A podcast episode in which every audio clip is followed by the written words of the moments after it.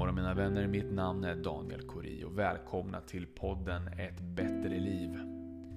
Episod 13. Bjud på positivitet. Varför klaga på vädret? Varför klaga överhuvudtaget? Som om det inte finns nog med negativitet i världen. Det finns alltid två alternativ till det som händer i livet. Antingen ser man det som en lärdom eller så ser man det som ett hinder. Om det nu regnar ute så har du i princip två val. Antingen svära och klaga på vädret eller ta på dig regnkläder. Det första alternativet tar mer energi och det andra ingenting alls. Vi måste ta vara på vår egen energi och lägga dem på rätt saker.